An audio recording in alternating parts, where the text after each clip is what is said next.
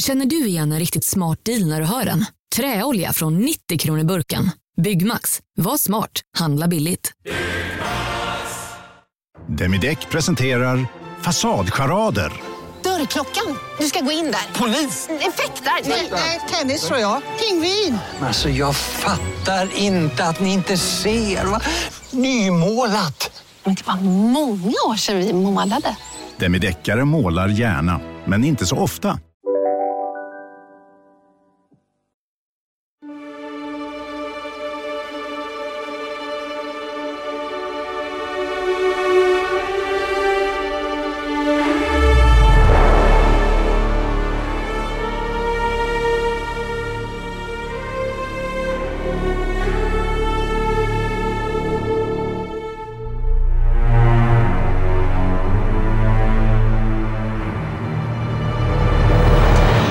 Government papers just released say the then Chancellor, Sir Geoffrey Howe, said, I cannot help feeling that the option of managed decline is one which we should not forget altogether.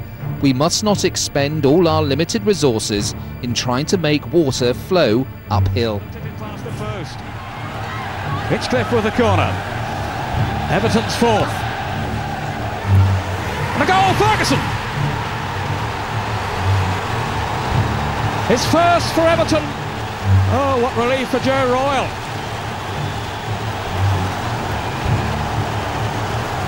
Hinchcliffe with the corner. And the tallest man on the field was first to it. Hughes. Here's Keane.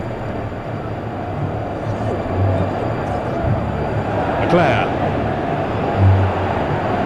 By Sharp to Ince. Evidence defence standing firm. Now, can they launch the counter-attack? Off goes Limpard. Stewart in oceans of space away to his left. This is Jackson. Right out in the middle. Still Jackson. And Stewart!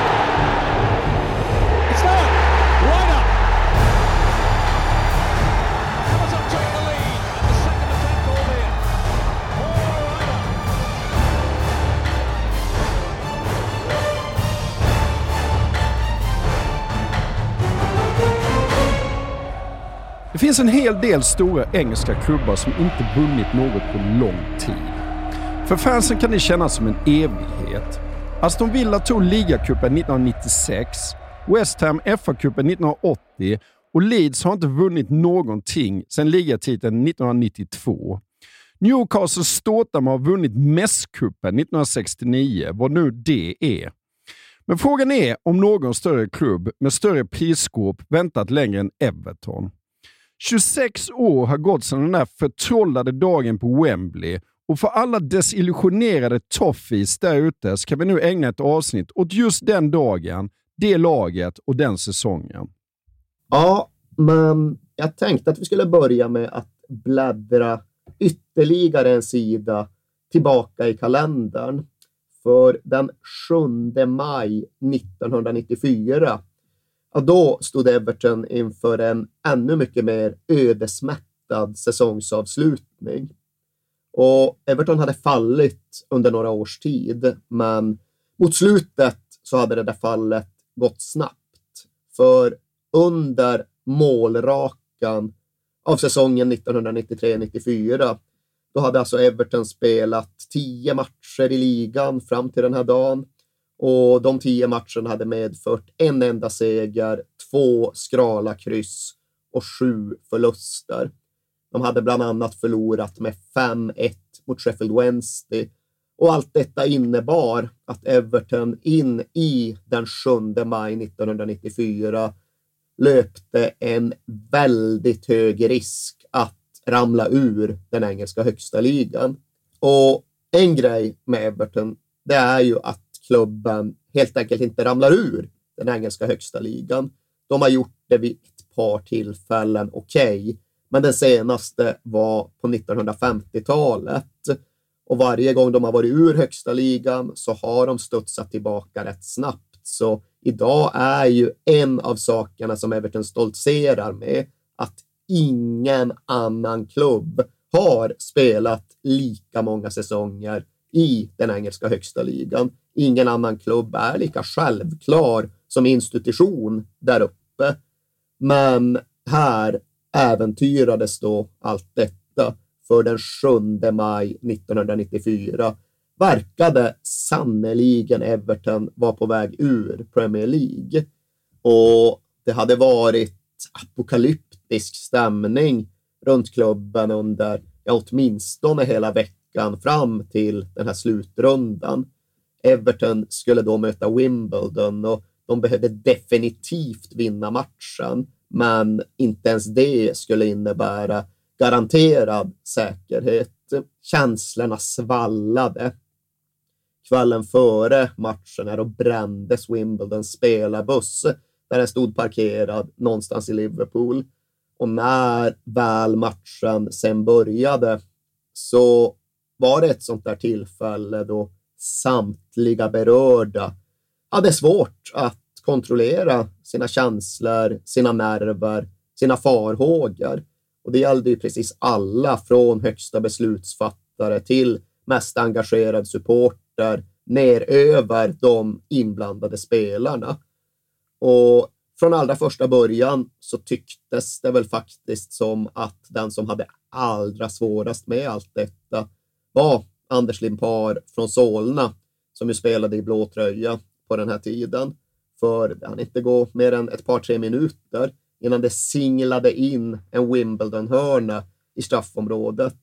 Och Anders Limpar hoppar upp och ja, men volleyboll smashar bort bollen. Smash är väl ett lite starkt ord kanske, men han petar i alla fall iväg den likt en annan Peter Tolse. Och det var ja, men då som Olof Mellberg nere i Zagreb, fast sju resor värre. Det var ännu svårare att förstå. Det var en ännu tydligare straff och det var ju då i ett ännu mycket mer utsatt läge. Och jag har pratat med Anders Limpar om det här vid något tillfälle och han sa det att äh, där och då trodde jag på allvar att 40 000 skulle komma in på planen och lyncha mig. Det var hemskt, hemskt, hemskt. Och lättare blev det såklart inte när Wimbledon först slog in den där straffen och därefter fortsatte spela sin raka, rediga och ganska svårkontrollerade fotboll. För den här måste-matchen han knappt ens nå fram till den 20 matchminuten innan Everton ställde till det för sig själva igen. Det var någon eh, boll in i straffområdet och liksom två Everton-backar kolliderar med varandra och springer ihop. Och sen kommer det något skevt skott från en Wimbledon-spelare som är på väg flera meter utanför tills Gary Ablett i hemmalaget får för sig att ingripa och han slicear upp bollen i luften och när den väl singlar ner så landar den ju då i Evertons nät. Och där har vi någon form av bottenpunkt. Där är stolta, traditionsrika storklubben Everton på väg rakt ner i andra divisionen. Och för de som inte är invigda för de som inte var där så är det nog svårt att riktigt greppa hur stor vånda och ångest och ilska som det här verkligen utlöste och genererade. Anders Limparia, han var ju där. Han stod i centrum för allting och han berättade för mig när vi pratade om detta att ja, det är en fantastisk plats att spela på Goodison Park när det går bra. Men är du dålig så är det så jävla vidrigt att spela på Goodison Park så det finns inte. Ja, men berätta lite. Vad är Everton, Goodison Park, vad är grejen? Alltså, Goodison Park till att börja med, det är ju den äldsta renodlade fotbollsarenan som finns i världen. Det finns äldre arenor där det kickas boll, men Goodison Park, det var ju då alltså den allra första arenan som byggdes med det uttalade syftet att här ska det spelas fotboll, enbart fotboll, inget annat än fotboll. Och detta skedde ju då redan i slutet av 1800-talet. 1892 invigdes arenan. Och även om den nu sjunger på sista versen så står den ju där än idag. Och som Alan Ball uttryckte det, en av Evertons gamla storspelare. Once Everton touches you, nothing is ever the same again. Och för att börja närma sig vad Alan Ball åsyftar här så tror jag ju såklart att man måste ha någon grundförståelse för fotbollsstaden Liverpool. För alla fotbollsstäder är ju speciella, men vissa är ofrånkomligen lite mer speciella än andra. Och jag har ju rest runt en hel del i fotbollsvärlden, men har nog när allting kommer kring ändå landat i slutsatsen att äh, jag tror inte att det finns någon annan stad i världen som är lika genomsyrad av fotboll som Liverpool är. Det finns ingen annanstans där fotbollen är en så dominant del av vardagen som den är där. Och fotbollens roll och betydelse den har såklart påverkats av eh, stadens utveckling och stadens uppgång och fall. För rent demografiskt, ja, då stod väl Liverpool på toppen strax före det andra världskriget.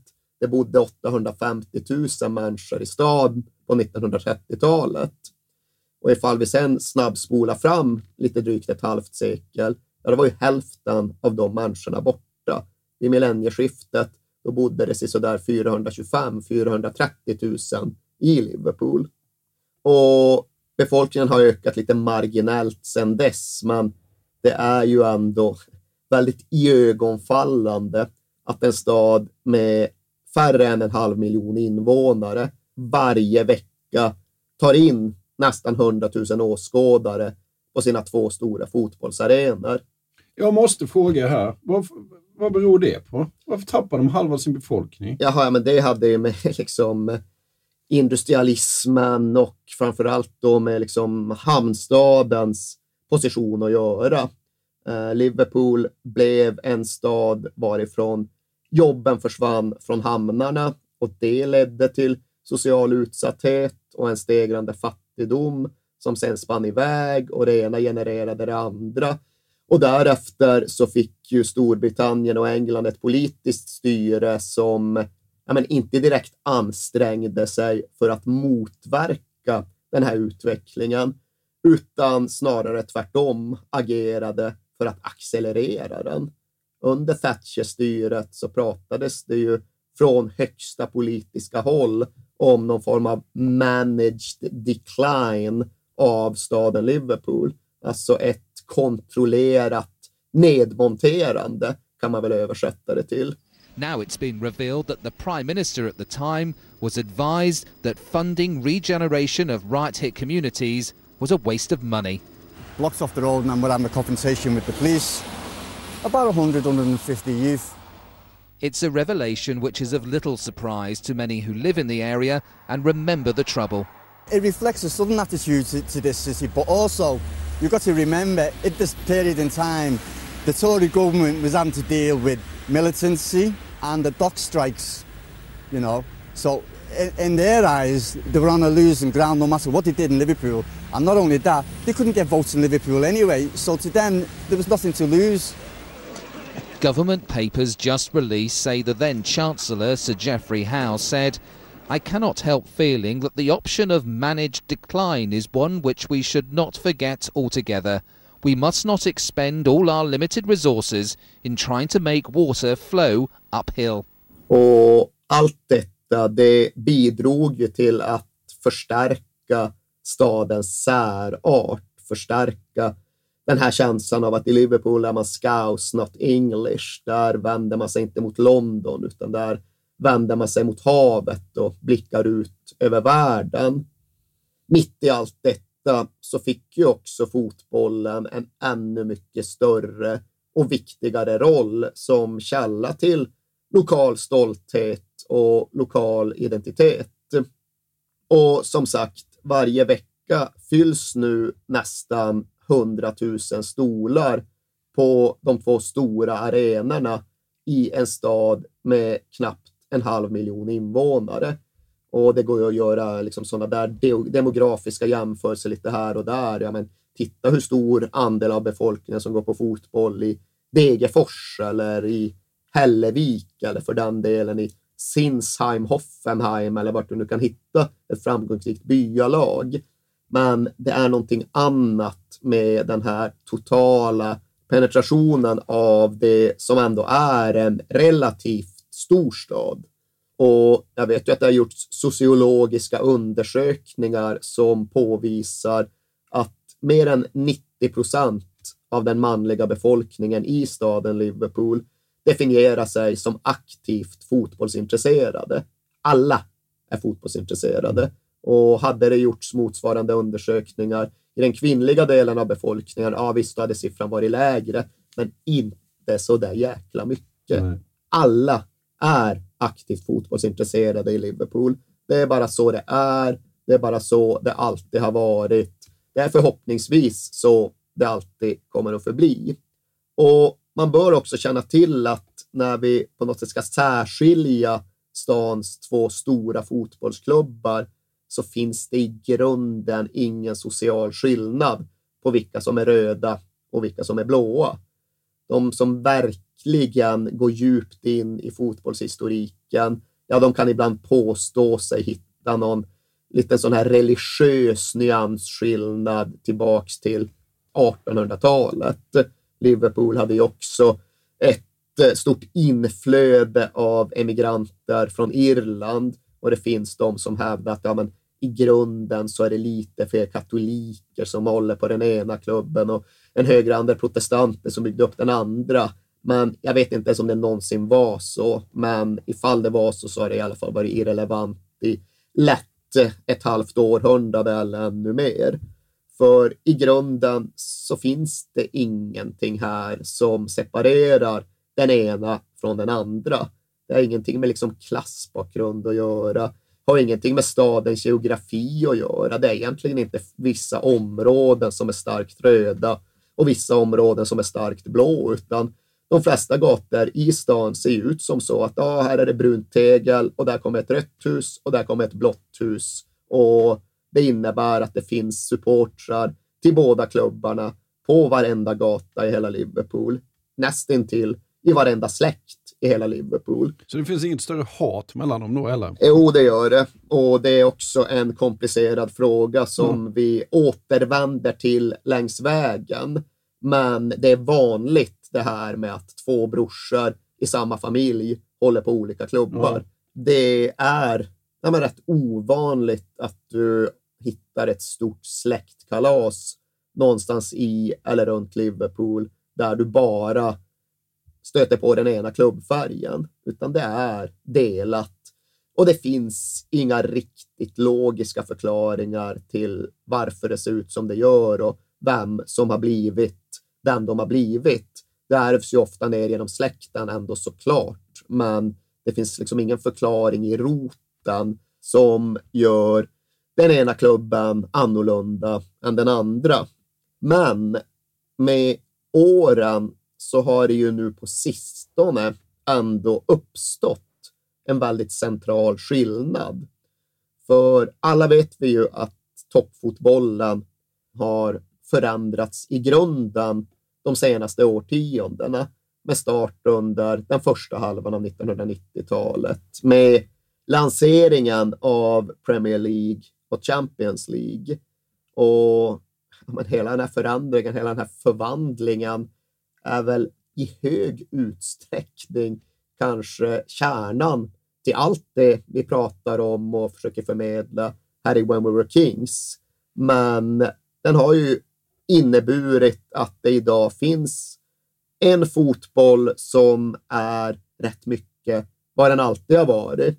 Och sen då den här andra fotbollen som utgörs av ett litet toppskikt av klubbar som har blivit globala, eller ja, till och med galaktiska. Och det är då Champions League-klubbarna eller G14-klubbarna eller Superliga-klubbarna eller vad fan vi nu vill kalla dem. Ni vet vilka vi menar.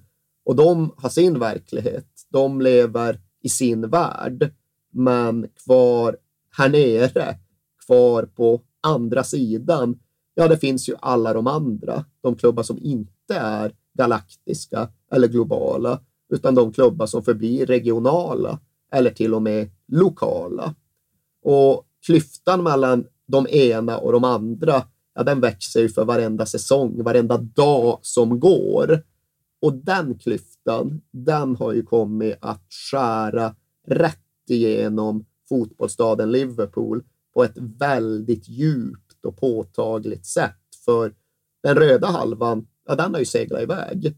Den har ju fått en biljett till det här rymdskeppet medan den blå halvan, ja, den blev precis kvar på andra sidan. Det är väl kanske så att Everton är, ja, om inte den största, så definitivt en av de största klubbar som inte fick den här sortens biljett. De var där på perrongen eller i avgångshallen eller vid vindbryggan eller vad fan vi nu vill kalla det för. Och precis när det var dags för avgång och biljetterna skulle delas ut, ja, då drog snöret just framför näsan på dem. De stod någonstans först i kön av de som inte fick vara med på den här nya sköna fotbollsresan och de blev då kvar där de alltid hade befunnit sig. Och historiskt sett så har de här två klubbarna varit ja, men i praktiken lika stora.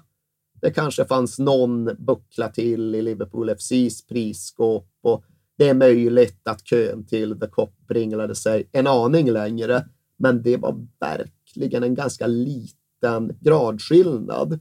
Men idag, alltså idag är skillnaden enorm. Idag är skillnaden stratosfärisk för inte fan vet jag exakt hur de kommer fram till de här sakerna, men senast jag såg någon någorlunda trovärdig undersökning från något av de stora lärosätena i London, ja, då påstods Liverpool FC ha sig sådär 600 miljoner fans över hela världen.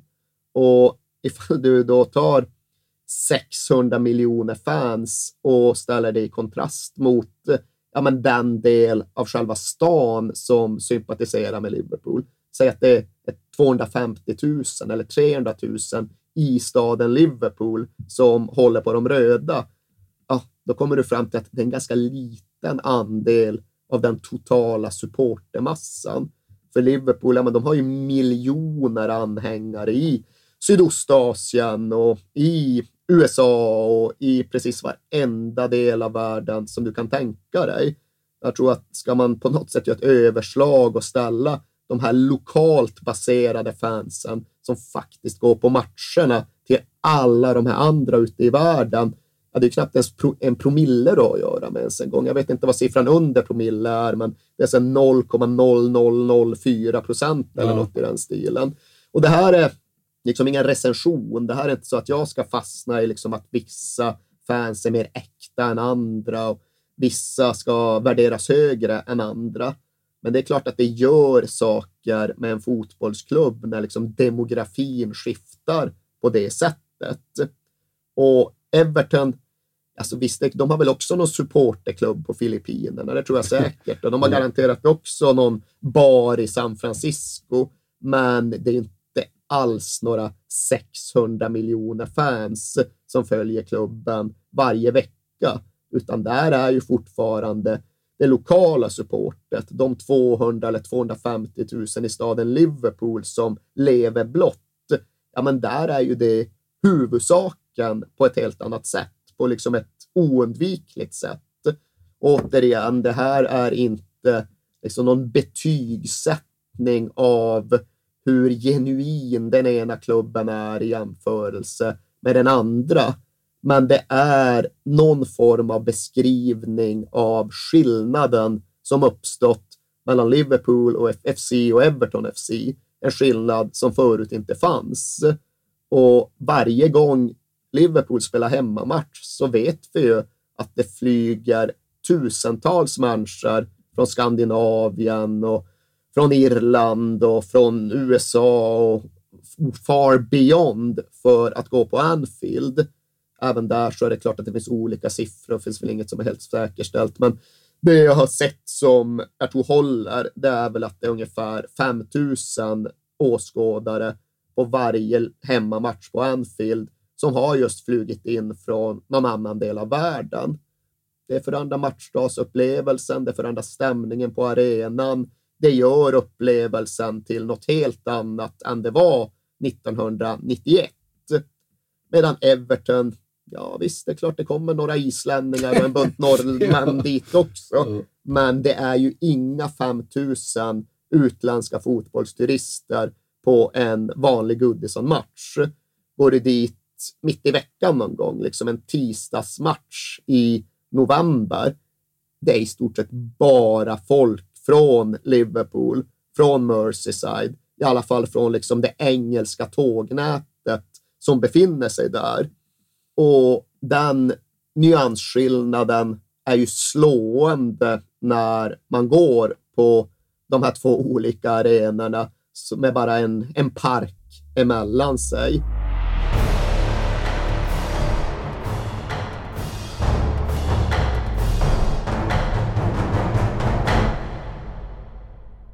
Håkan, Ja. vi har ju en 90-åring med oss precis som vanligt. Och det är ju Verkligen. Svenska Spel och Stryktipset. Ja, Mm. och därför är det så bra att vi är sponsrade av Stryktipset. Ett spel från Svenska Spel, Sport och Casino för dig över 18 år. Exakt. Och stödlinjen.se finns där de har problem med sitt spelande. Ja, Ja, precis. Det är bra att vi har med oss dem så vi får fira dem riktigt ordentligt. verkligen. Och vi firar ju tillsammans med er lyssnare. För att de här är ju rätt unika, de här reklamspottarna. Därför att det är lyssnarna som skickar in sina historier. Och jag tycker Mm. det är helt fantastiskt att ni fortsätter att göra det. För att det blir väldigt mycket roligare. Alla de här historierna, det är liksom hela det är liksom ramen för vad Stryktipset handlar om, skulle man kunna säga. Verkligen. Det är själen. Exakt, och har gjort det i 90 år. Ja, ni får gärna fortsätta skicka in era stories eh, om vad som har hänt i 90 minuten på Stryktipset till kings at perfectdaymedia.se så får ni en t-shirt av oss Yes. för varje publicerat inlägg. Och idag, En lång historia idag, Håkan säger jag. idag har vi en lång historia som går så här. För snart fyra år sedan var jag med om en riktigt sjuk upplevelse som har resulterat i att jag blivit en riktig Stryktipsnörd. Det var coronatider och Premier League-premiär. Jag och min sambo skulle hem till svärföräldrarna på middag, men innan vi åker dit hinner jag lägga en liten slumpartad 64-raderskupong. Championships-matcherna var det bara att blunda, chansa och hoppas på det bästa. Men Premier League har man ju lite kunskap om, så där vågade man tro på skrällchanser. Under middagen hade jag nästan helt glömt bort mitt spel, så jag tog upp telefonen och kollade lite snabbt på resultaten. Vad fan, alla första tio matcherna har ju gått in, så man var ju med i allra högsta grad. Jag slog igång tvn, såg på när Degerfors krossade Jönköping och 11 rätt var ett faktum. Nästa match var Liverpool-Leeds och där satt jag med ett kryss då Leeds var tillbaka igen i Premier League och vill nog ge Liverpool en utmaning. Liverpool tog ledningen tidigt i matchen, men visade verkligen att de var tillbaka igen efter nästan 20 år från fotbollens finrum. De lyckades kvittera kort efter Liverpools ledningsmål och det skulle visa sig bli en riktig jojo-match. 2-1, 2-2, 3-2, 3-3. Fram till 90 minuten stod det 3-3. Jag har 12 rätt och utdelningen är 20 000. Men Leeds nyförvärv Rodrigo Moreno får då Mm. för sig att ta bollen med handen efter Liverpool-hörna och dömer då straff till äckliga Liverpool. Ja, Oj! ja. Ja, ja. Självklart gör Salah 4-3 från 11 meter och vinstsumman var nu på 5 000 kronor på 12 rätt. Det enda som skulle kunna rädda mig nu var att Newcastle skulle slå West Ham borta, då våghalsiga, naiva jag fick för mig att sätta en tvåa. Jag tror aldrig jag mått så dåligt av att se en fotbollsmatch. West Ham var det spelförande laget i första halvlek, men inga riktiga chanser skapades från något av lagen. När andra halvlek blåstes igång och jag hade lugnat mig lite så tar det bara några minuter innan Callum Wilson brunkar in ett ledningsmål för Newcastle och nervositeten kickar igång igen. Om första halvlek var ångestladdad så går det inte att jämföra med andra. West Ham pushar på hela halvleken för ett kvitteringsmål. De har en ribbträff bland annat, men 0-1 står sig fram till slutminuterna. Då får Newcastle en kontring. Bollen slås snett inåt bakåt och når Jeff Hendrick som pangar in 0-2 och euforin är total. 13 rätt och 500 000 kronor rikare. En upplevelse jag aldrig kommer att glömma. Sen den dagen spelar jag Stryktipset varje lördag i hopp om att få med något liknande igen. Plus att det är en jäkligt mysig lördagstradition. Stort tack för er podcast och stort tack för din historia. Mm. Colin Wilson, han har bunkrat in några baljor. Ja, precis. Vi Mm. säger stort tack till våra vänner på Stryktipset. Tack. Vi är sponsrade av Volt Fashion. Yes, det är vi. Och vad är Volt Fashion för dig, Alex? För mig är Volt Fashion lite som vad Magnus Erlingmark var för IFK Göteborg när det begav sig. Jaha. Mm. Göteborg kunde ju använda Erlingmark precis överallt på fotbollsplanen. Han var överallt ja. Ja, och lite så i Volt Fashion, för det är ett multibrand-utbud för män. Förstår du vad jag menar då? Just det. Mm. Ja. Du hittar tröjor, skjortor, kostymer, kavajer, byxor, you name it. Allting. Från märken som These Glory Days, Oscar Jakobsson, Tiger of Sweden, Eton, Samse Samse, J. Lindberg och Flippa K. Exakt. Och min Voltbutik som jag brukar gå in i ligger i PK-huset här i Stockholm. Ja, just det. Och det finns ju 40 butiker i Sverige och här finns ju allting. Sweaters, Allting. skjortor, kostym, kavajer, byxor. Allt du behöver både till fest och vardag med alla de här schyssta märkena du räknar upp. Och nu är det ju dags för festligheter. Våren är väl ändå här, det måste vi säga. Det är den verkligen. Och det är dags för bröllop, det är studenter, det är midsommar. Och vad vill man ha då? Ja, en kostym kanske. Ja, jag har precis köpt en kostym. Jaha. Från These Glory Days. Jaha. Jag brukar köra på Edvard-kostymen. Ja, och det är alltså en urblandning. Det tycker jag är ett måste i kostym. Jag gillar inte linne och sånt där, utan det är ull som jag gillar. Och så måste det vara regular fit, inte slim fit på mig. Nej. Jag gillar när det liksom är lite mer rakt och, och stiligt. Så den har jag gått loss på. Jag gillar ju Oscar Jakobsson. Ja, ja, ja. ja. Svenskt, skönt och där kan jag även tänka mig linne faktiskt. Och sen är det ju så här att du behöver ju faktiskt inte gå in i en faktisk butik, voltbutik, även om det finns ganska många. Utan du kan ju gå in på voltfashion.com och där hittar du hela utbudet och, och kan bara klicka hem det istället. Så klicka in på voltfashion.com och eh, välj din kostym för våren och sommaren helt enkelt. Ja, vi säger stort tack till Volt Fashion. Alex, vi pratar ju om Blackburn och då måste jag fråga dig, vad kör Alan Shearer för bil? Ja, precis. Ja, vi pratar om Blackburn den här veckan. Ja. Eh, ja. Alan Shearer. Jag ska, jag ska nog googla det faktiskt. Gör det. Jag tänker mig att han kör en riktigt sån, alltså en, en diesel. Nej, alltså det som bara jag. spottar ut. Jag tror, jag tror Shearer är en eh, riktig elkille. Faktiskt. Vad heter Blackburn? Lanc Lancastershire. Lancashire. Lan ja, exakt. Där åker han runt. Runt, runt en gammal dieselhäck. Men jag ska, Ja. jag ska googla faktiskt. Ja. Kolla. Då ska vi se. Alan Shearer Lifestyle. Alan Shearer Car. Audi RS Q8 kör Ja. han till vardags. Hybrid. Det är ju ingen dålig bil. Hybrid. Ja, 600 hästar. 3,8 sekunder på 100 meter. ja, 100 meter är det inte. 100 100 kilometer i timmen. ja. Vridmoment 800 NM. Men Säger varför pratar vi om ingenting. detta? För att vi är sponsrade av Karla. Ja, och på, det är mycket möjligt att han har insett hur jäkla smidigt det är att köpa sin bil på Karla. Exakt. Hur skulle Alan Shearer säga Karla med C? Karla. Karla. Karla. Ja. För att vi har ju eh, i tidigare eh, spottar berättat om att det är världens bästa biltjänst. Mm, Med 4,8 i. Trustpilot. Mm. Därför att vi som tycker det är jobbigt att köpa och sälja sin bil framför allt, med allt mäkt det innebär, så innebär Karla att de sköter allting åt dig. Mm. Så går du i eh, tankar med att sälja din bil och kanske vilja skaffa dig en elbil eller en elhybrid så ska du gå in på karla.se. Jag är lite sugen på att skaffa en laddhybrid. Ja. En sån Audi. Ja, ja, ja. Jag tror inte riktigt att jag kanske har råd med det den. tror jag inte du riktigt men har jag, men råd jag tror att Karl har ett bra spann på bra eh, laddhybrider faktiskt. Ja. Mm. Om du går in på karla.se och knappar in din bils info så får du en snabb och gratis värdering och ett bud på din bil. Mm. Väljer du att acceptera budet så får du gratis upphämtning av din bil i hela Sverige. Just det. Och pengarna på kontot direkt vid upphämtning. Mm. Alltså det kan inte bli smidigare än så. Och Karla sköter allt från pappersarbete till dammsugning av baksätet. Ja, alltså det, det slipper jag världsklass. gärna. Alltså. Ja. Och när du ändå är i farten så kan du kika om du hittar någon ny drömbil på Karla. Audi RS Q8. Exakt. Du kan då använda din gamla bil som inbyte och endast betala mellanskillnaden om du vill köpa en ny. Kör du till exempel runt i en gammal dieselhäck så är det hög tid att uppgradera till en elbil eller laddhybrid. Eller Alan Shearers bil då. Vem i Blackburns lag från 1995 kör runt i en gammal dieselhäck idag, tror du? Nej, jag tror faktiskt ingen gör det. Tror du inte? Nej. Ja, jag tror i alla fall att anfallspartnern där till Alan Shearer, Chris Sutton, han kör runt en gammal dieselhäck. Ja, då är det hög tid för honom att gå in på karla.se. Verkligen. Vi säger stort tack till karla.se. Tack.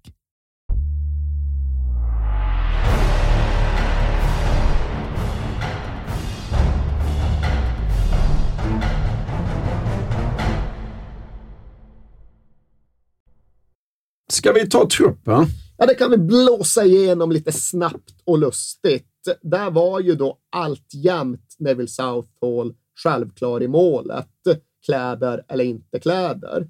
Och okej, okay, han var ingen ungdom längre. Han skulle precis till att fylla 36, men han hade ju en enorm status på Goodison Park, för han hade sett allt. Han hade vunnit allt ja. där. Han var ju den som verkligen hade varit med hela vägen.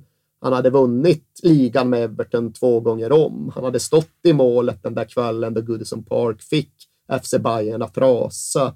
Han hade vunnit cupvinnarcupen och han hade ju haft säsonger då han på allvar omnämndes som världens kanske allra bästa målvakt. Ja. Och det var han väl ärligt talat inte längre.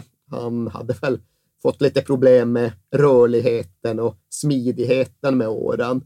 Men han hade sin klokhet och sin spelförståelse och då sin status. Han var liksom den stora mannen och ledaren i det här omklädningsrummet. Närmast, jag ska inte säga utmanad, utan i så fall närmast kompletterad av killen som faktiskt hade bindeln, mittbacken Dave Watson. Och han hade ju också varit med på 80-talet, inte hela vägen, inte mot FC Bayern, inte om den första ligatiteln, men han kom tillbaks till Liverpool efter en utflykt i Norwich till säsongen 86-87 och den medförde ju också en ligatitel. Så även Dave Watson fanns kvar från klubbens verkliga storhetstid.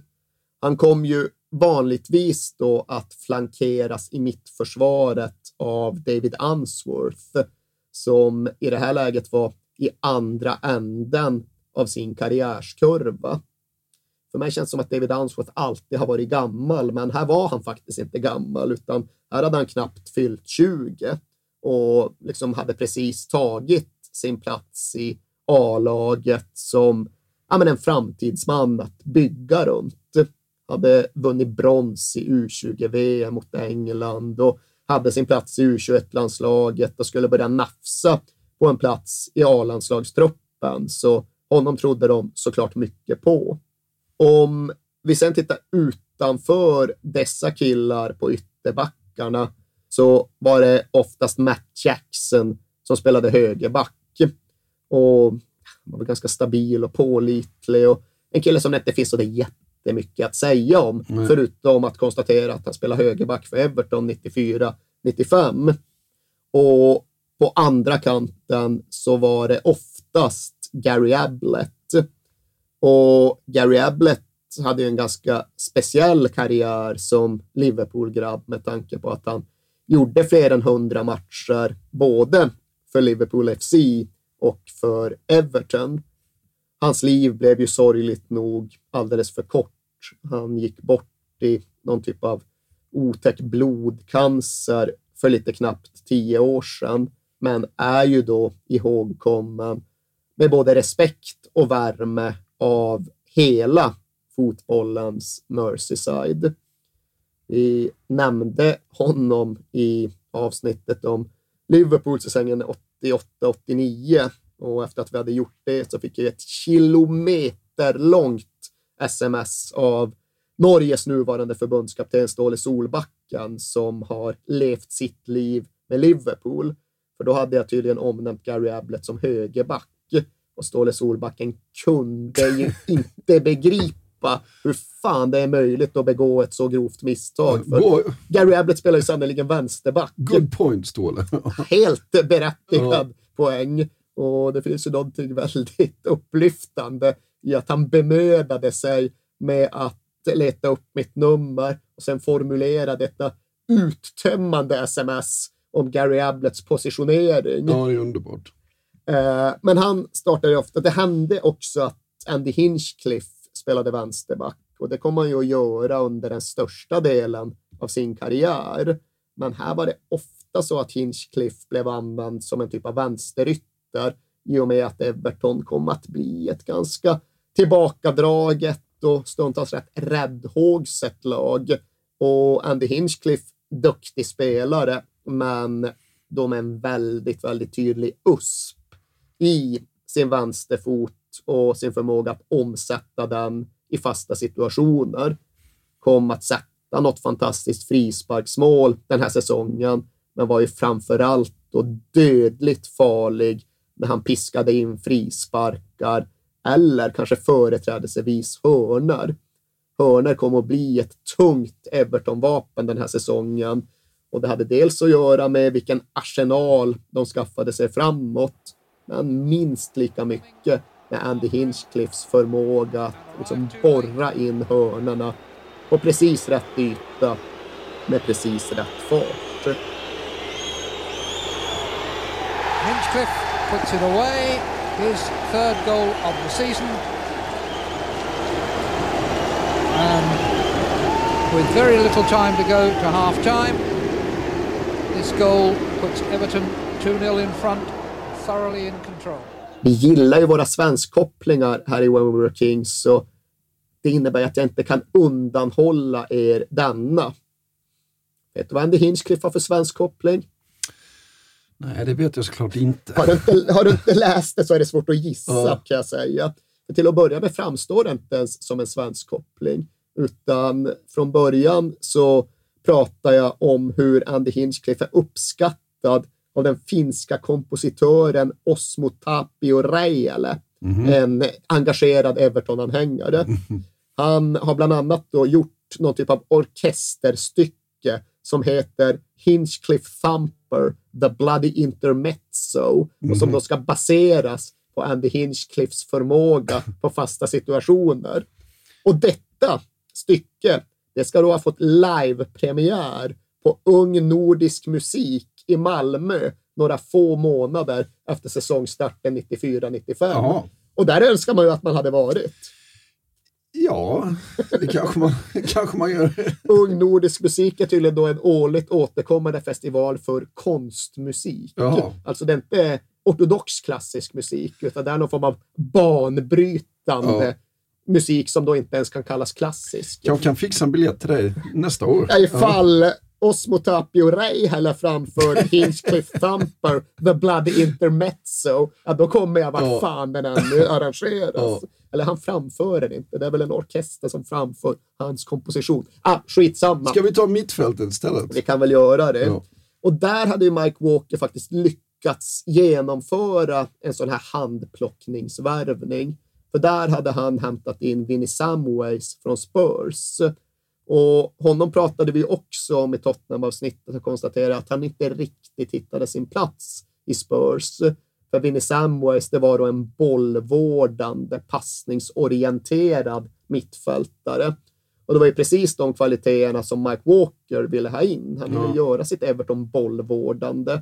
Men det skulle komma att visa sig att Vinnie Samways inte hittade sin plats på Goodison Park heller. Han hittade ju inte sin plats i hela den engelska 90-talsfotbollen utan blev först uppskattad på allvar när han hamnade i Spanien. Ja, det var det han passade bollen i sidled. Exakt. blev jättehyllad för detta. Ja. Vinnie Sideways, Ja. som han ju förolämpades som i England. Men honom trodde ju då Mike Walker mycket på. Han skulle transformera detta primitiva Everton i hans egen anda. Och ja, skulle den förändringen ske så behövde den typen av värvningar göras. Så var det ju. För i övrigt var det ett ganska agrikulturellt typ av mittfält som Walker hade till sitt förfogande.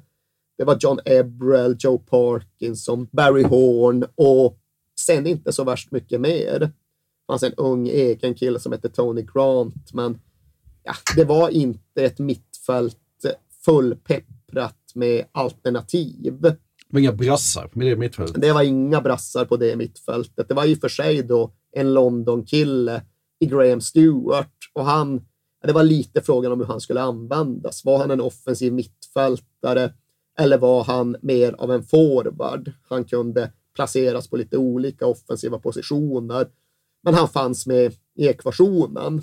Och där fanns såklart då fortfarande också Anders Limpar.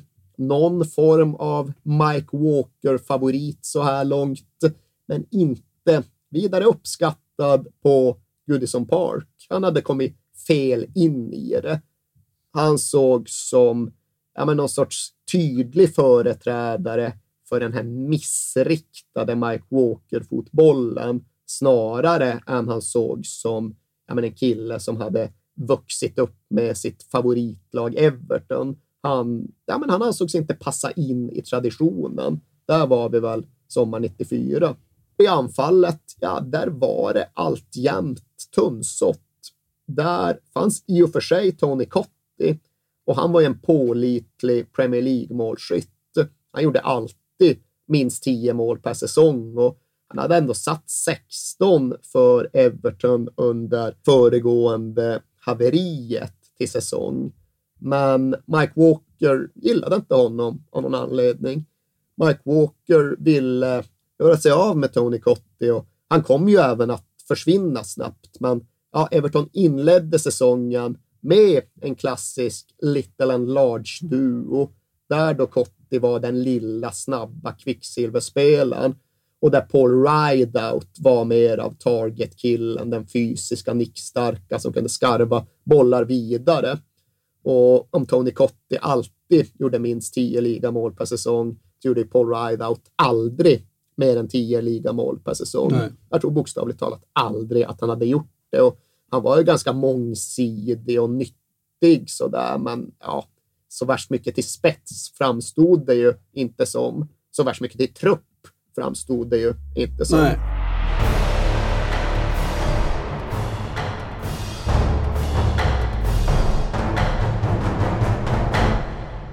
Men med Royal så blev det en tuffare fotboll. Ja, en rakare fotboll och ja, men, ifall ni så vill, en återgång till fotbollen som hade pulveriserat FC Bayern 1985. Det var old school Route One football och Neville Southall illustrerar det med att säga att ja, men, så fort jag fick bollen så drog alla. Då skäggade alla upp och så ställde sig på mittlinjen. För det var inte tal om att liksom rulla ut bollen och sen småtrilla lite i backlinjen. Det var att kicka bolljäveln så långt det någonsin gick. Och sen skulle Paul Rideout eller Amokachi få fast den där längst fram. Och sen skulle det krigas på andra bollar och pressas fast och tryckas ner och klämmas fram situationer, mål och vinster. Och ja, det var kanske en lite endimensionell plan, men det var en plan och den var tydlig och eh, Everton hade någonstans spelarna före. Inte minst då det senaste nytillskottet norrifrån. Och då ska vi prata om Big Dunk. och Big Duncan Ferguson har ju ja, men kommit att bli en klubblegendar jämförbar med Neville Southall. Men det kändes rätt långt borta hösten 1994. För han hade ju, jag ska inte säga att han hade värvats av Mike Walker, men han hade ändå kommit till ett Mike Walker-lag. Och där var det väl lite svårt att se vilken nytta det egentligen var tänkt att han skulle göra. Skulle han liksom droppa ner på egen planhalva och liksom vägga tillbaks, vända upp, öppna planen med sin spelblick och få in alla andra i spel. Äh, det, det var ju inget, det funkade, det gick Nej. ju inget bra såklart. Och grejen var just att anledningen till att han hade värvats, den var väl lite otydlig. För allt hade börjat med att Peter Johnson då letade efter nya intäktsströmmar och hade kommit att imponeras av hur mycket bra saker som Glasgow Rangers gjorde ekonomiskt. Han hade hört så jävla mycket bra om Glasgow Rangers matcharrangemang så han åkte dit för att studera deras hospitality. Och när han ändå var där, ja, då kom det ju även att snackas lite sport och då kom det att utbytas möjligheter. Och det visade sig att Rangers hade spelare, anfallare att bli av med och Everton hade ju alltjämt ett sådant behov. Så dels gjorde Everton klart med ett lån av den skotska landslagsmittfältaren Ian Durant och det var ju bra. Men sen skulle det även tas in en forward Och det var egentligen önskningen från början Mark Haitley. Men den gamla engelska räven, nej, han gick inte att flytta på. Han släppte inte Rangers. Men de hade ju då en annan kille som nog skulle må bra av att röra på sig lite. Det skulle gynna både spelare och klubb. Och då pratar vi ju såklart om en ung Duncan Ferguson som bara ett år tidigare hade blivit Storbritanniens dyraste värvning någonsin. Mm. Och det säger en del om vilken kommersiell kraft Rangers ändå hade på den här tiden. Men det säger också en hel del om hur högt Duncan Ferguson värderades. För han passerade ju då Alan Shearer och hans övergång till Blackburn när han gick från Dundee United till Rangers. Det är ändå rätt otroligt. Ja, det Faktiskt. är det väl kanske. Ja, men vad, fan. vad är det mest otroliga? Att skotska klubbar pröjsar så mycket eller att Ferguson höll så högt? Egentligen båda delarna skulle jag vilja säga.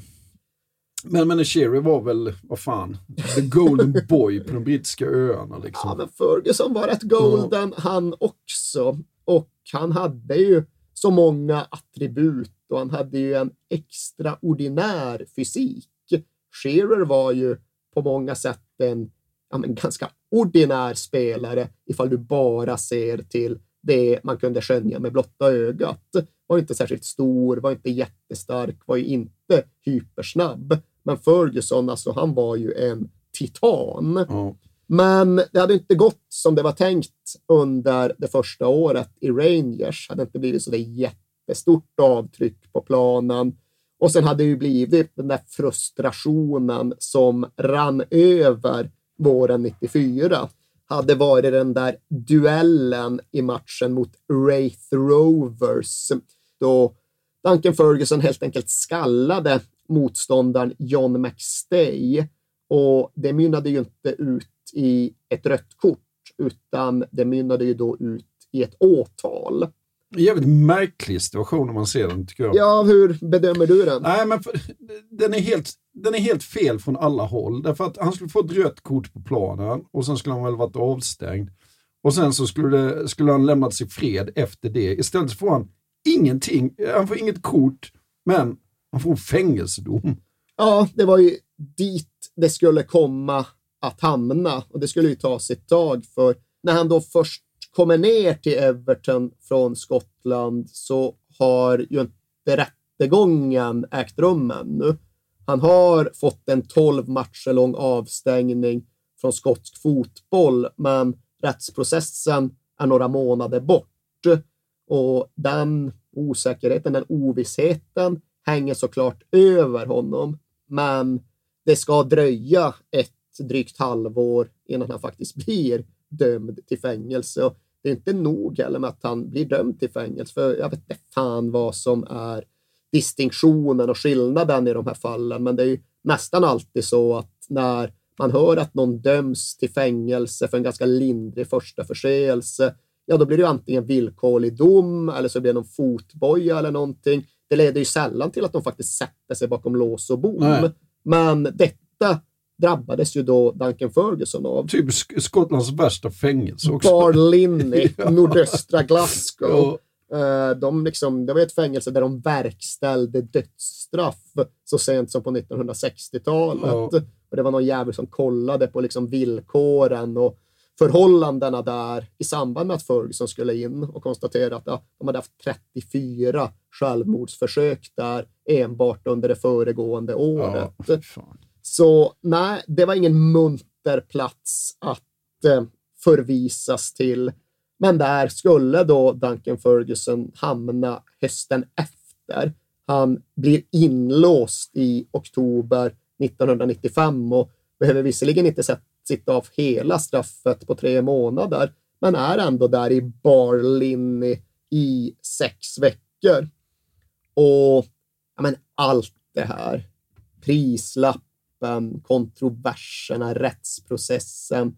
Det innebar såklart att Duncan Ferguson föregicks av ett rykte redan när han kom till Liverpool och att det fanns ett jävla intresse för men vad det här egentligen var för spelare och vad det här egentligen var för snubbe. Och grejen är ju någonstans att drygt 25 år senare så har de där frågorna egentligen fortfarande inte fått några tydliga svar. Okej, visst vet vi vilken sorts spelare Duncan Ferguson var, men någonstans känns det som att vi aldrig riktigt fick se hela spelaren Duncan Ferguson. Och visst har vi byggt oss en bild av hans karaktär och personlighet, men även där förblir det mycket som är höljt i någon form av mystiskt dunkel. För Duncan Ferguson har ju aldrig pratat om sig själv på ett utförligt Nej. sätt. Han har aldrig skrivit någon självbiografi eller givit sig ut på the after dinner circuit som inbjuden anekdotmaskin, utan han har ju i grunden hållit tyst. Ja. Kanske så märkligt så att det är en fotbollsspelare med integritet. Ja, jag vet inte vad det är. Alltså, jag, jag kan inte säga att jag har någon tydlig bild av vad förklaringen till Duncan Fergusons tysthet egentligen är. Men ja, kanske en integritet, kanske en känsla av att redan i väldigt tidig ålder bli avsiktligt missförstådd. För det har jag ändå fått intryck av att han har givit uttryck för att ha känt sig missförstådd och felbehandlad och utsatt. Och det tror jag verkligen accentuerades i samband med och runt det här fängelsestraffet. The return of Duncan Ferguson, much to the fans' delight. He'd done his time and now it was back to business. Obviously, I've, I've been through a difficult time, and the fans have really lifted me. And I've got a lot to prove to them. I've hardly played in the last in the last year. They haven't seen Duncan Ferguson play on a regular basis, and I've never had a, a 20-run game in, in the team. Och det gick väl att se spår av den där viljan att kanske vantolka honom eller att se honom hamna i problem redan då när han kom ner till den engelska fotbollen.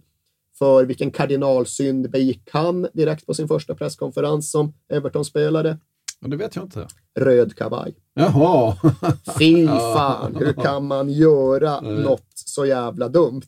Och där hade det ju också kunnat skära sig mellan spelare och klubb direkt, men så blev det ju inte. Utan Duncan Ferguson blev ju istället mytologiserad som en av Evertons största någonsin. Ja, men sin Evertons generations största någonsin. Och kärleken kom ju att bli ömsesidig, dyrkad av fansen och själv såg han ju till att tatuera in Evertons klubbmärke på kroppen ganska tidigt. Och samtidigt så är det, om du slår ut alla de säsongerna han spelade, så han, han snittar på sju mål per säsong. så det är ju inte sådär, ja men han gjorde mål på mål på mål, utan Det är mer någonstans liksom bara känslan av vad Duncan Ferguson borde vara, hade kunnat vara, Ja. snarare än vad han verkligen var. För även här finns ja, men Willie Donachie. Han borde ha blivit en världsstjärna. Och Neville Southall, han använde ännu starkare ord. Och nu låter det som att Southall gör om alla han någonsin har spelat med, men det var egentligen Limpar och Duncan Ferguson han reserverade sådana här omdömen åt. För om Duncan Ferguson så tar han till ännu mer kraftfulla omdömen. Han säger att Duncan Ferguson borde ha blivit världens bästa spelare. Och det har jag sagt till honom många gånger, men han var inte tillräckligt motiverad. Och det där är liksom inte någon förflugen bisats, utan det är verkligen Southall hamrar på. Han liksom fått så här fråga, ja, men hade han kunnat bli liksom Evertons motsvarighet till Didier Drogba? Nej, nej, nej mycket bättre. Ja. Mycket bättre. För okej, Drogba var ju ganska stark och Drogba hade ju rätt bra avslut och Drogba kunde hålla upp en boll, men Ferguson var bättre på alla punkter. Jaha. Det var bara det att han saknade fokus och saknade motivation. Men det var väl just den där potentialen, den där känslan just av att ja, nu är Duncan Ferguson på planen och bara titta på honom. Bara titta på honom så får du känslan av att vara oövervinnelig. ja, och den här tuffheten gillar man ju Och också. den lyckades ja. han väl då förmedla till både sitt omklädningsrum och hela hemmaarenan och hela klubben. För det finns ju något rörande i hur en knappt tioårig Wayne Rooney Ja. levde och dog med Everton, hade Duncan Ferguson-affischer överallt på sitt pojkrum och då även tog sig tiden och gjorde uppoffringen att skriva till Duncan Ferguson där han satt i Barlin i fängelset i nordöstra Glasgow. Och därtill så fick han ju även ett svar. Ja, det är ju det man älskar. ju. Och sen eh, är det ju trist att både Ferguson och i någon mån även Wayne Rooney har tillräckligt mycket integritet för att inte avslöja vad som stod i de där Ja. breven. För Hedliga det de. skulle man ju Ja. fan vilja veta. Ja. Men ja, Duncan Ferguson han skulle komma att få, han fick väl 9-10 röda kort som Premier League-spelare. Ja. Jag tror att det var någon typ av rekord. Såg även till att skaffa sig en landningsbana med elljus så att hans brevduvor skulle ha lättare att hitta hem. Och där någonstans i mellanrummet finns väl den riktiga Duncan Ferguson, whoever that is. Ja.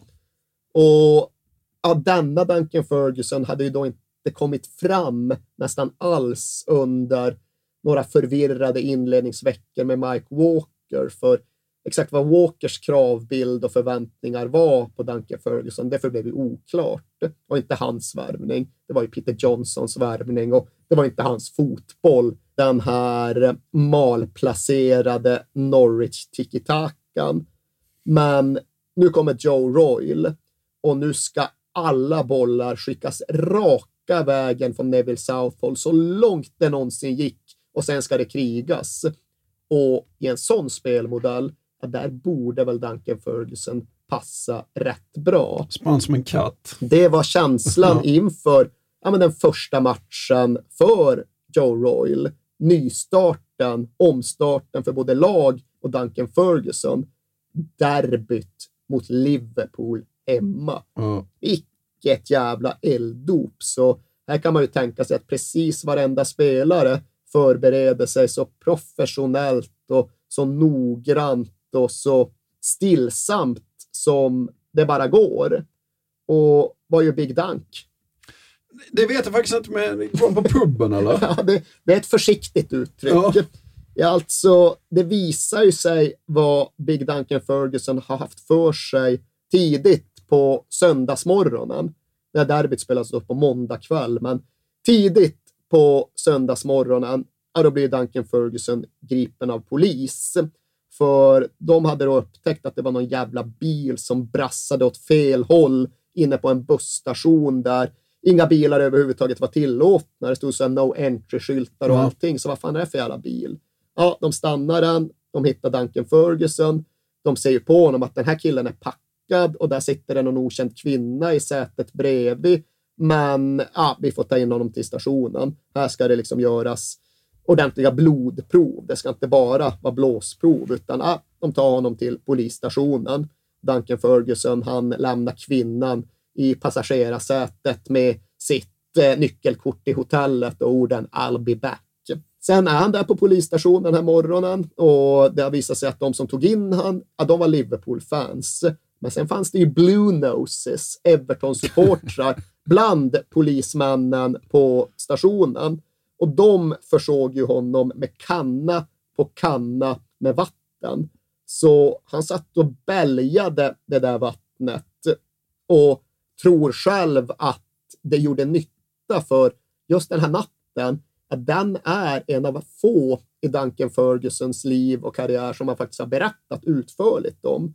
Och när han väl gjorde sitt alkotest, ja, då visade det sig att han låg tror jag, 0,15 promille över gränsen för, jag vet inte om det var vanlig rattfylla eller grov rattfylla, men själv är han mindblown än idag kring att den överträdelsen inte var värre. För enligt honom själv så hade han druckit fem flaskor vin Ja. och att han lyckades då kompensera för detta genom att bälga Everton-färgat polisvatten, ja, det får honom fortfarande hyfsat häpen. Ja. Men i alla fall, han blir släppt från polisstationen för så grovt är då inte brottet. Och de Everton-vänliga konstaplarna såg till att snöra i hans skor igen, för de hade då snörats ur när han togs i förvar. Och därefter kunde han återvända till sitt hotell vid 06.30-tiden på morgonen och upptäckte ja, men rätt triumfatoriskt att ta med fan kvinnan från baren och från passagerarsätet, ja men hon är fortfarande kvar. Ja. Så det var i alla fall goda nyheter, Ja. menade Duncan Ferguson. Men visst, sen var det ju derby kvällen därefter och strax före avspark, ja, då fick Joe Royal höra talas om allt det här som hade hänt. Och han behövde såklart fatta ett beslut. Ska han göra det rätta och bara lyfta ut Ferguson ur derbyelvan? Eller ska han göra det han tror ändå ger bäst sportslig möjlighet att vissla och blunda och se mellan fingrarna? Och han väljer då det sistnämnda, men ångrar sig bittert under den första halvleken. För Duncan Ferguson gör ingen blåklädd glad. Han misslyckas med det mesta och Royal sitter där och verkligen funderar på, är han fortfarande bakfull? För Ja. så här jävla dåligt kan han inte spela. Ah, Jag får, jag får byta ut honom i paus.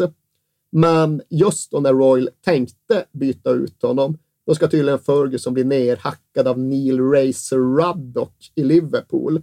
Och som Royal uttrycker det, då förvandlas han från The Gentle Giant till The Incredible Hulk. Du kunde nästan se grabben färgas grön. Och då förstod jag Royal att men här ska det inte bytas någonting för här händer det grejer. Och så värst många spelmönster hade det inte hunnit tränas på, förutom då att Southall skulle skicka bollen så långt det någonsin gick varje gång han hade den. Men Everton hade tränat på fasta situationer. Och de hade ju Andy Hinchcliffes vänsterfot, den som blir orkestrerad av finländska kompositörer. Och så hade de då Duncan Fergusons längd, närvaro och huvudspel. Och de två komponenterna kom ju då att förenas för första gången ganska tidigt i den andra halvleken. Hinchcliffe piskar in bollen. Duncan Ferguson seglar till väders omgiven av det som fanns ut att vara halva Liverpools lag och dunkar in en nick högt i nätet nedanför Gladys Street. Hinchcliffe with the corner. Everton's fourth. And a goal, Ferguson! His first for Everton. Oh, what relief for Joe Royal.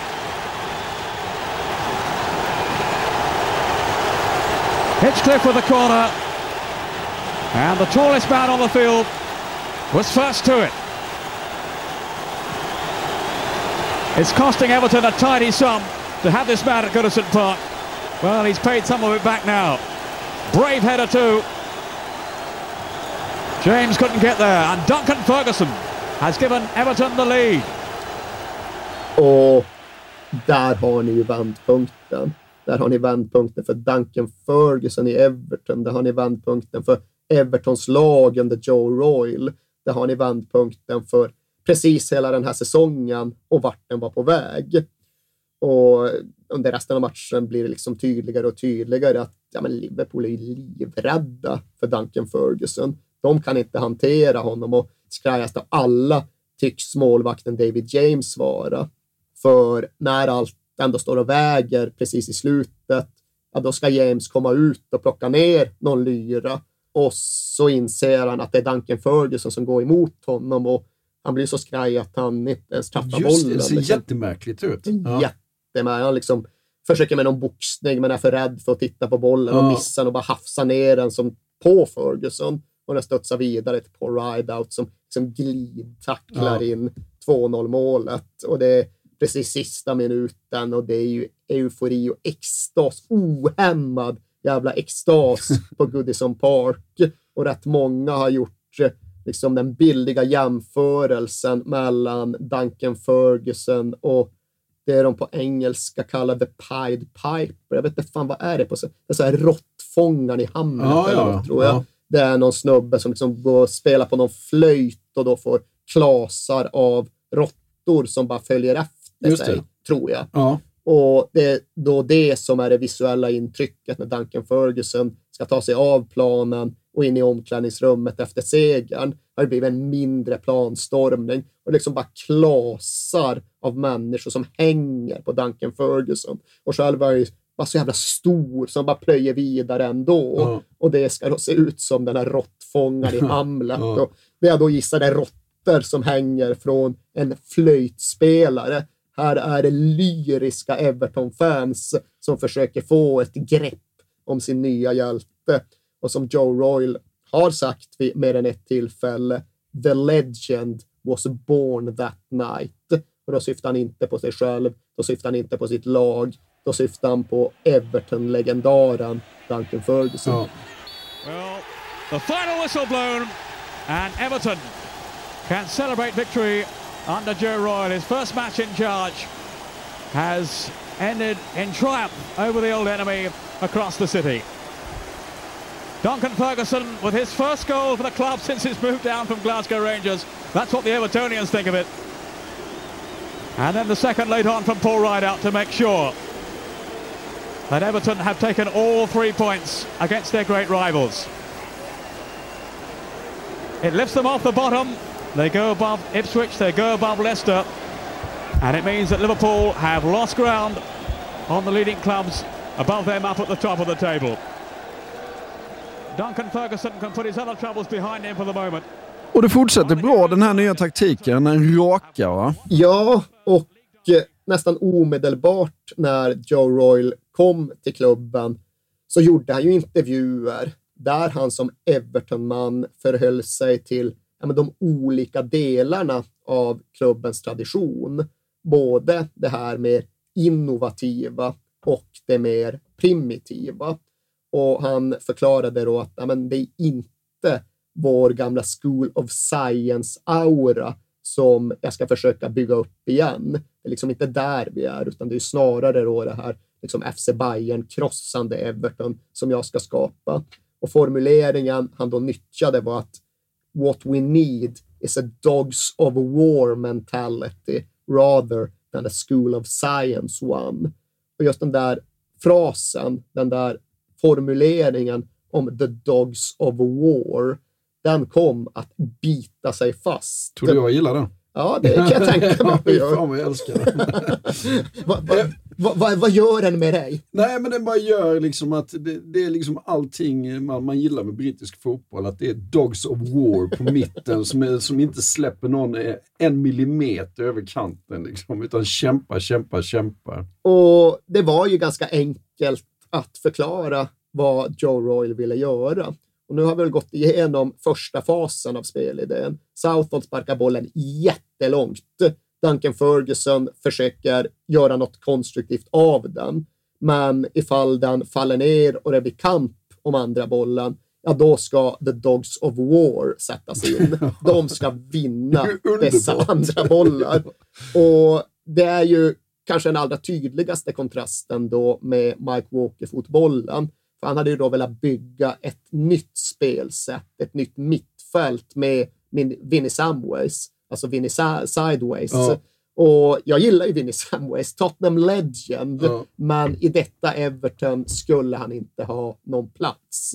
Så ut med Mike Walkers påkostade sommarvärvning och in då med tre mittfältsterriers, tre mittfältshundar. Och de var Barry Horn, Joe Parkinson och John Ebrell, The Dogs of War. Mm. Och deras uppgift var ju i stort sett baserad på att de skulle vinna precis varenda närkamp.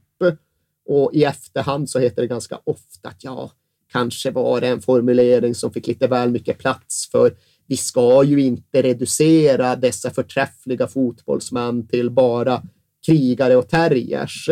Och Joe Parkinson, han var så mångsidig mm. och hade han inte blivit skadad hade han spelat för England. Och Barry Horn, han gjorde ju 2-2 målet mot Wimbledon och massvis med landskamper för Wales. De, de kunde ju spela fotboll också.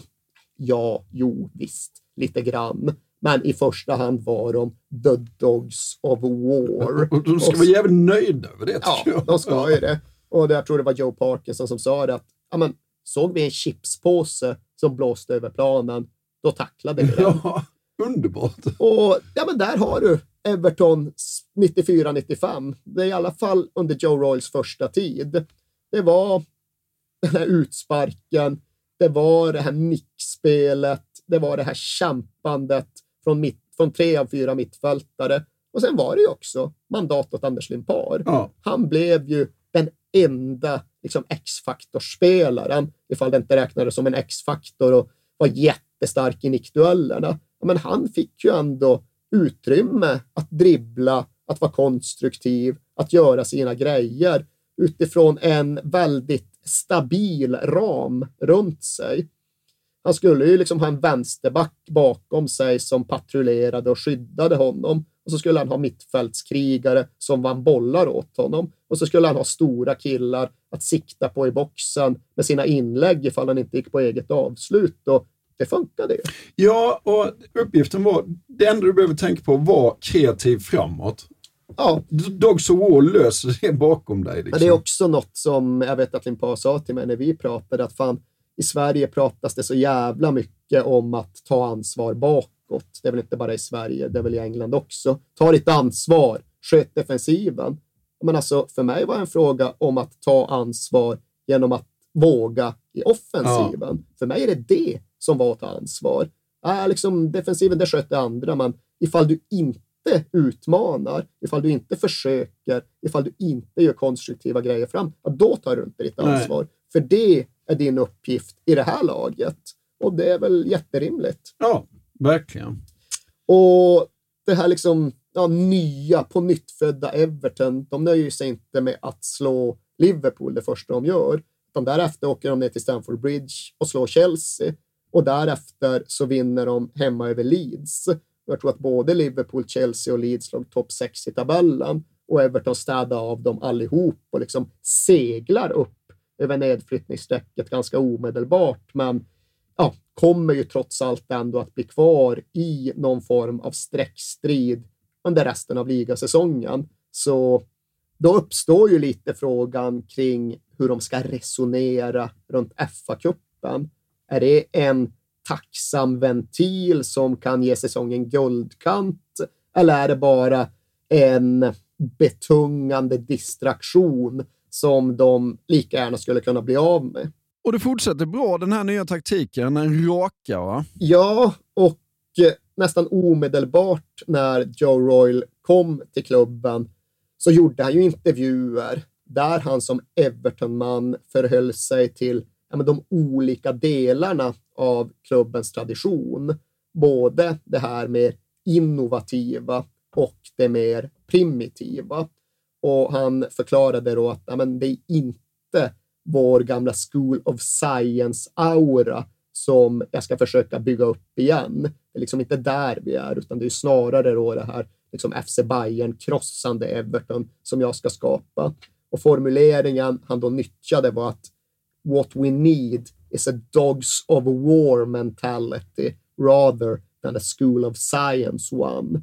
Och just den där frasen, den där formuleringen om the dogs of war, den kom att bita sig fast. Tror du jag gillar den? Ja, det kan jag tänka mig gör. Fan vad jag älskar den. vad, vad, vad, gör den med dig? Nej, men den bara gör liksom att det, det är liksom allting man, man gillar med brittisk fotboll. Att det är dogs of war på mitten som, är, som inte släpper någon en millimeter över kanten. Liksom, utan kämpar, kämpar, kämpar. Och det var ju ganska enkelt att förklara vad Joe Royal ville göra.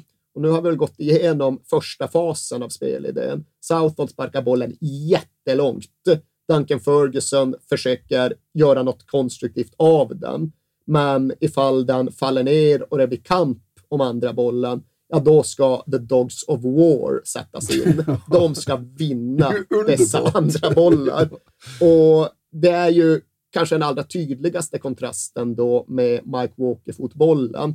För han hade ju då velat bygga ett nytt spelsätt, ett nytt mittfält med Vinnie Samways, alltså Vinnie Sideways. Ja. Och jag gillar ju Vinnie Samways, Tottenham Legend, ja. men i detta Everton skulle han inte ha någon plats. Så ut med Mike Walkers påkostade sommarvärvning och in då med tre mittfältsterriers, tre mittfältshundar. Och de var Barry Horn, Joe Parkinson och John Ebrell, The Dogs of War. Mm. Och deras uppgift var ju i stort sett baserad på att de skulle vinna precis varenda närkamp.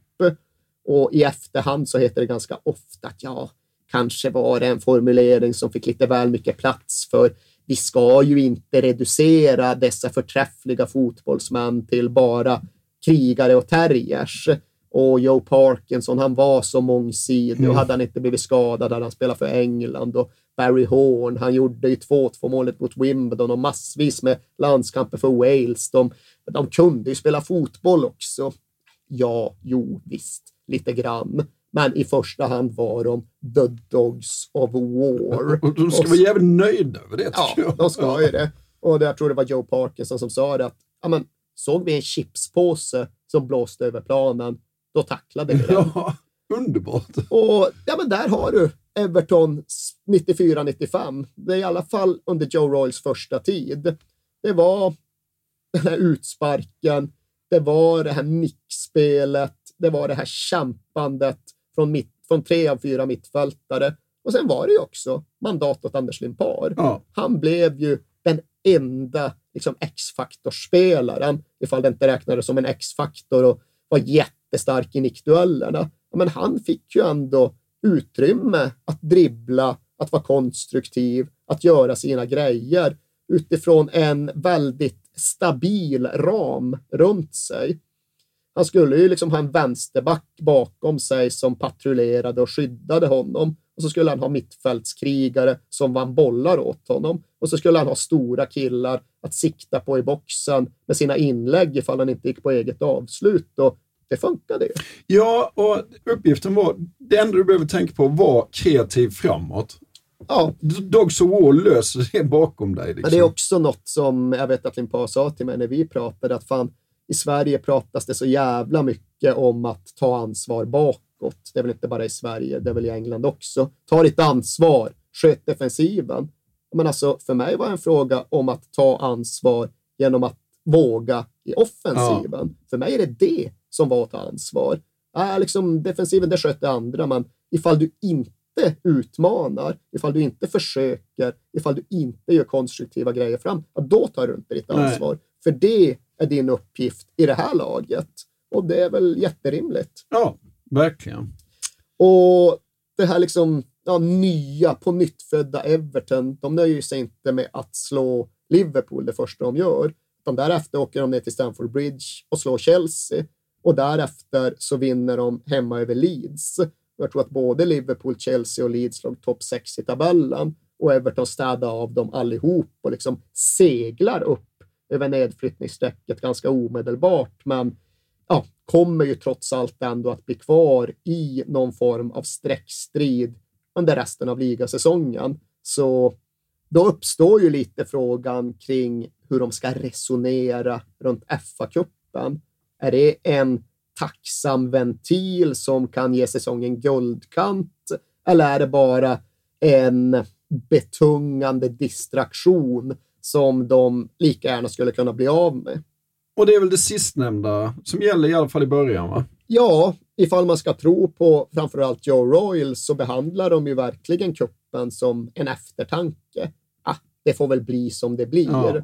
Och så är det väl ganska tacksam lottning till att börja med. Det är väl Derby County i tredje omgången och det blir en knapp 1-0-seger. Och sen är det Bristol City från andra divisionen borta i fjärde rundan.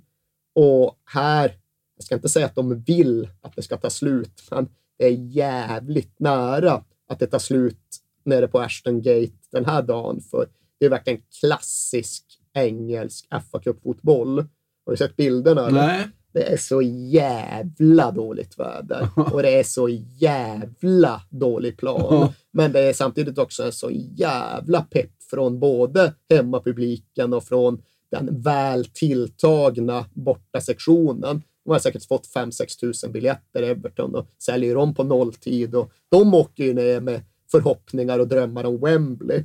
Men här blir Everton utspelat, bombarderat och jag tror de har två bollar i virket, Bristol City, och en handfull riktigt klara chanser. Men 0-0 står sig fram till det att Evertons väldigt högerfotade högerback, Matty Jackson, plötsligt drar iväg en vänster halvvolley i typ 81 minuten. Och han har aldrig skjutit något sånt skott, vare sig förr eller senare. Men det här är en på tusen och bollen susar in. Everton klarar sig ur fällan och Everton vinner. Och som någon besviken Bristol City-spelare formulerade sig efter slutsignalen. At least Dick Turpin wore a mask.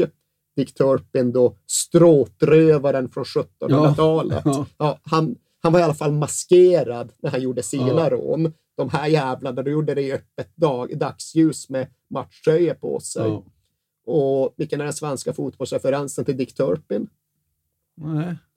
Det är där man nu som då dricker bärs ifall man ska se AIK spela hemma. Dick Turpin, puben i Solna. Ja, ja, ja. Klassisk Ja. fotbollsmark.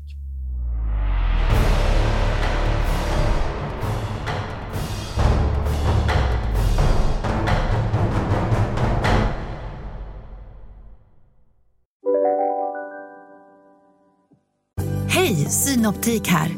Visste du att solens UV-strålar kan vara skadliga och åldra dina ögon i förtid? Kom in till oss så hjälper vi dig att hitta rätt solglasögon som skyddar dina ögon. Välkommen till Synoptik. Välkommen till Momang, ett nytt smidigare casino från Svenska Spel, Sport och Casino där du enkelt kan spela hur lite du vill. Idag har vi en stjärna från spelet Starburst här som ska berätta hur smidigt det är. Jaha, så smidigt alltså. Momang, för dig över 18 år. Stödlinjen.se. Dåliga vibrationer är att skära av sig tummen i köket. Ja! Bra vibrationer är att du har en tumme till och kan scrolla vidare. Alla abonnemang för 20 kronor i månaden i fyra månader. Vimla! Mobiloperatören med bra vibrationer. Dags för semifinal på neutral plan i Ellen Road, Leeds mot... The Mighty Tottenham Hotspur. Och här blev det ja, men väldigt tydligt det här med att det var ett jäkligt strikt lag fast med en adderad ingrediens. För Anders Limpar, alltså det hade inte varit helt självklart att han skulle starta i alla matcher, utan han hade fått stort förtroende, men ibland ändå bänkats när läget var skarpt. Men nu hade en av stridshundarna blivit avstängd. John Ebrell hade dragit på sig för många kort och Joe Royle behövde därför ja, men bestämma sig för hur laget skulle formeras. Och han var till att börja med inte helt säker, skulle 23 mittbackar? Ja, då fick han nog lov att offra Limpar, för Limpar behövde verkligen en stadig ytterback bakom sig. Eller, ja, fan, hur skulle han göra? Och beslutet det tog han först när det sipprade ut att Spurs hade för avsikt att köra Stuart Nethercott på vänsterbacken. Och Stuart Nethercott är ett finsmakarnamn bland Tottenham aficionados. För ja, det var ju en ganska oduglig mittback som aldrig blev någonting, men som här då skulle användas som ung, oerfaren vänsterback. Och då kände bara Joe Royle att nej, men det är klart att jag ska skicka Limpar på honom. Liksom, skapar han inte mot det motståndet så kommer han aldrig skapa och det vet jag. Han kommer, han kommer köra Nethercott där ute och sen tar vi det därifrån. Och det blev väl någonstans liksom Evertons avstamp in i matchen, att de såg att ja, men vi har tydliga övertag som vi ska förvalta.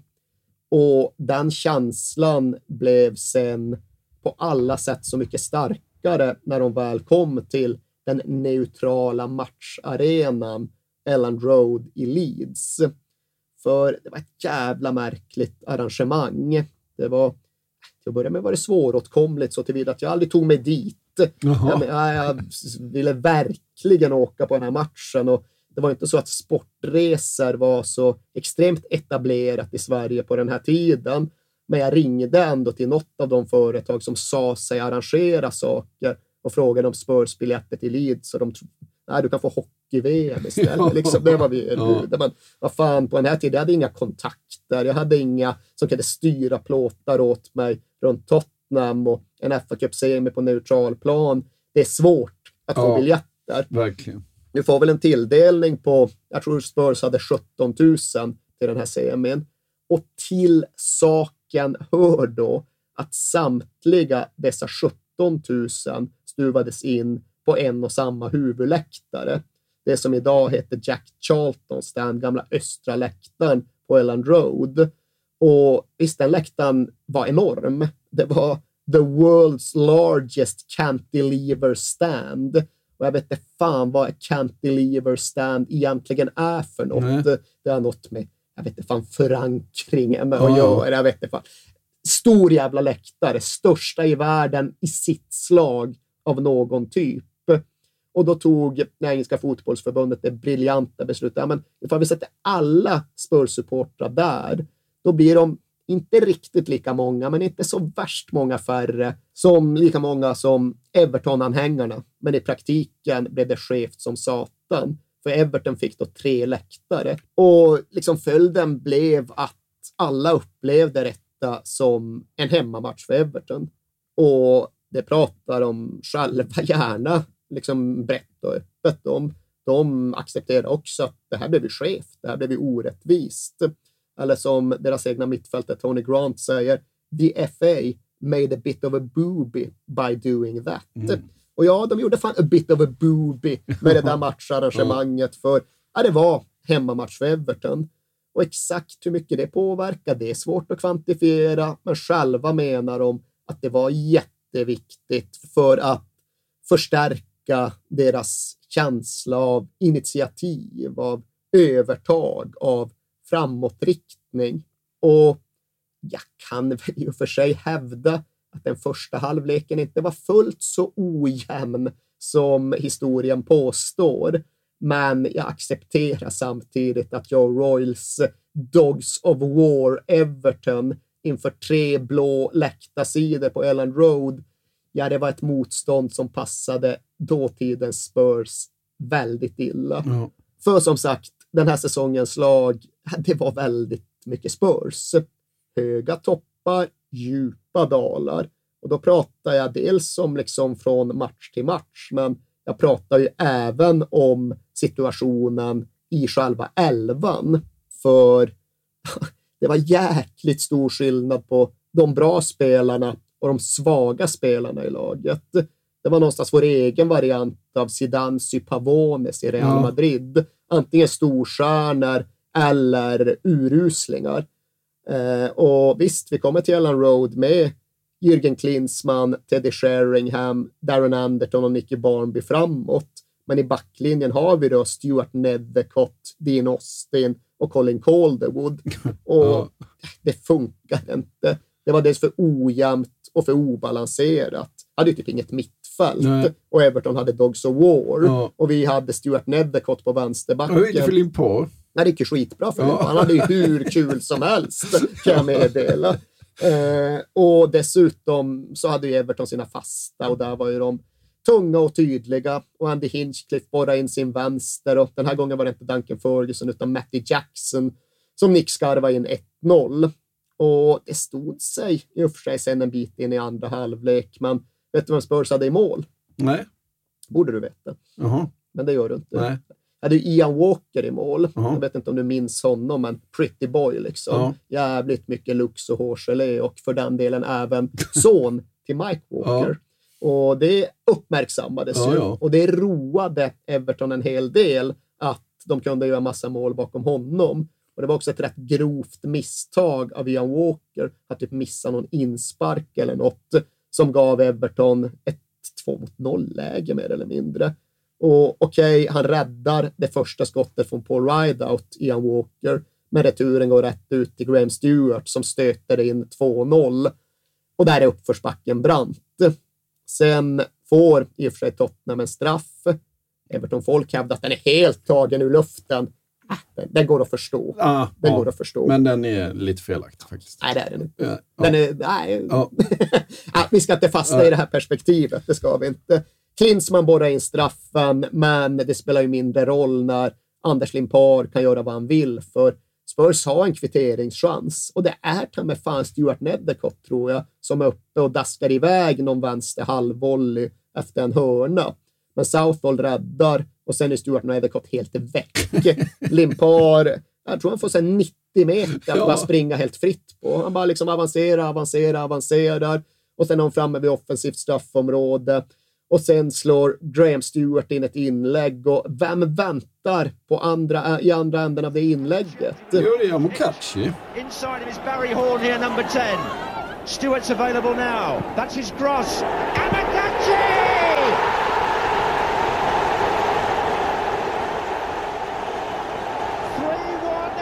Och det är stora mäktiga Man United som i och för sig har missat ligatiteln precis va? Ja, de har precis då tappat ligan mot Blackburn Rovers. Och man får ju säga att Joe Royals val skulle visa sig vara väldigt berättigat. Hans tro på Anders Limpars förmåga att göra skillnad skulle ju besannas.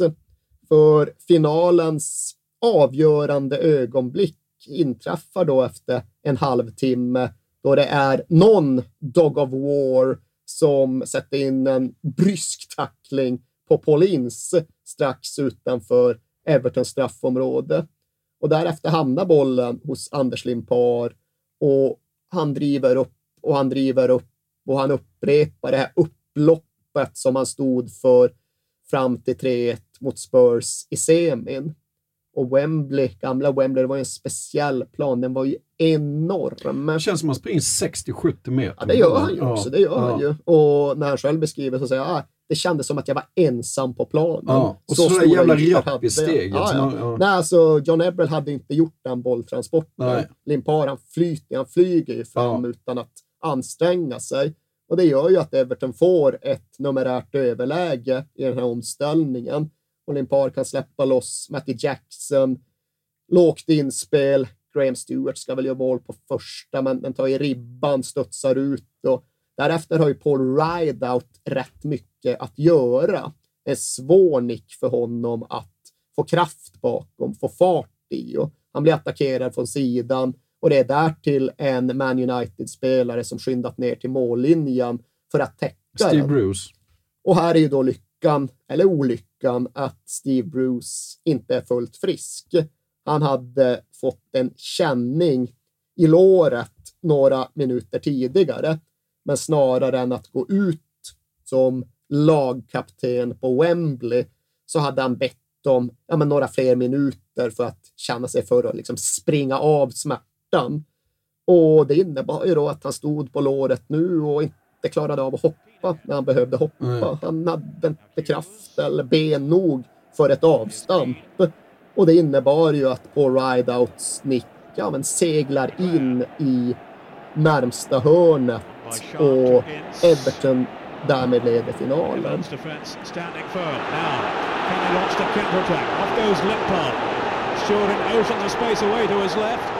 Jackson. Right out in the middle. Still Jackson. That's Stewart. It's there. Right up.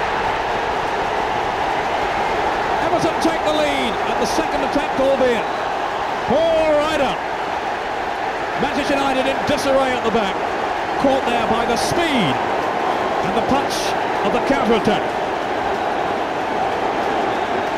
Well, that was amazing, wasn't it? Because all of a sudden, United were outnumbered four to two, and they just couldn't get the players. Look at the Everton players. There's four Everton players and only three United. And really, Stewart should have scored with the first attempt here.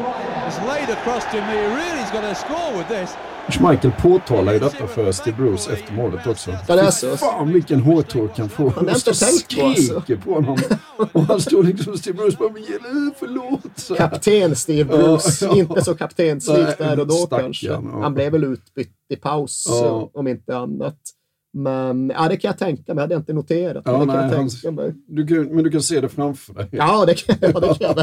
Det är lite skillnad i Peter Schmeichels och Thomas Ravellis utskällningar på Ja, den här tiden. ja. Ravelli skällde ju också, men det var inte riktigt med samma volym på torken. Nej. Men det är lång tid kvar för United att göra något. Ja, ja, och här förväntar vi oss en enda lång jätteanstormning. Ja, vi väntar ju oss både kvitteringsmål och segermål, men det är inte riktigt det maxade Man United. Det är det inte. Och sett till den timme som återstår så skapar de förvånansvärt lite. Förblir i stora stycken en rätt jämn match där Everton egentligen har lika bra lägen som Man United. Men ja, visst, sen kommer det en rejäl röd forcering precis på slutet. Och där är ju framför allt en ung och inbytt Paul Scholes som har ett jätteläge och någon form av dubbelchans. Och där är ju Neville Southhalls första räddning fenomenal. Scholes liksom försöker dunka upp den högt på närmsta stolpen och Southall är stark nog för att stå upp och stå emot. Och sen trots allt ändå snabb och smidig nog för att även snappa åt sig returen.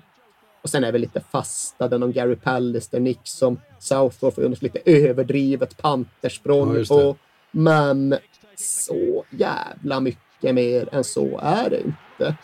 Det går inte att titta på den här matchen och säga att det är uppåt väggarna oförtjänt och turligt att Everton vinner, utan de tar den här segern ja, men, hyfsat rättvisande och relativt odramatiskt. Upfield. Someone will have to go in goal. Oh, amazing game. It's all over. Everton have won the FA Cup. Dave Watson, the captain, who has inspired his team to victory. Manchester United, the favourites, have been beaten by the underdogs. Manchester United, for whom the season had promised so much, well, it's now ended in bitter disappointment.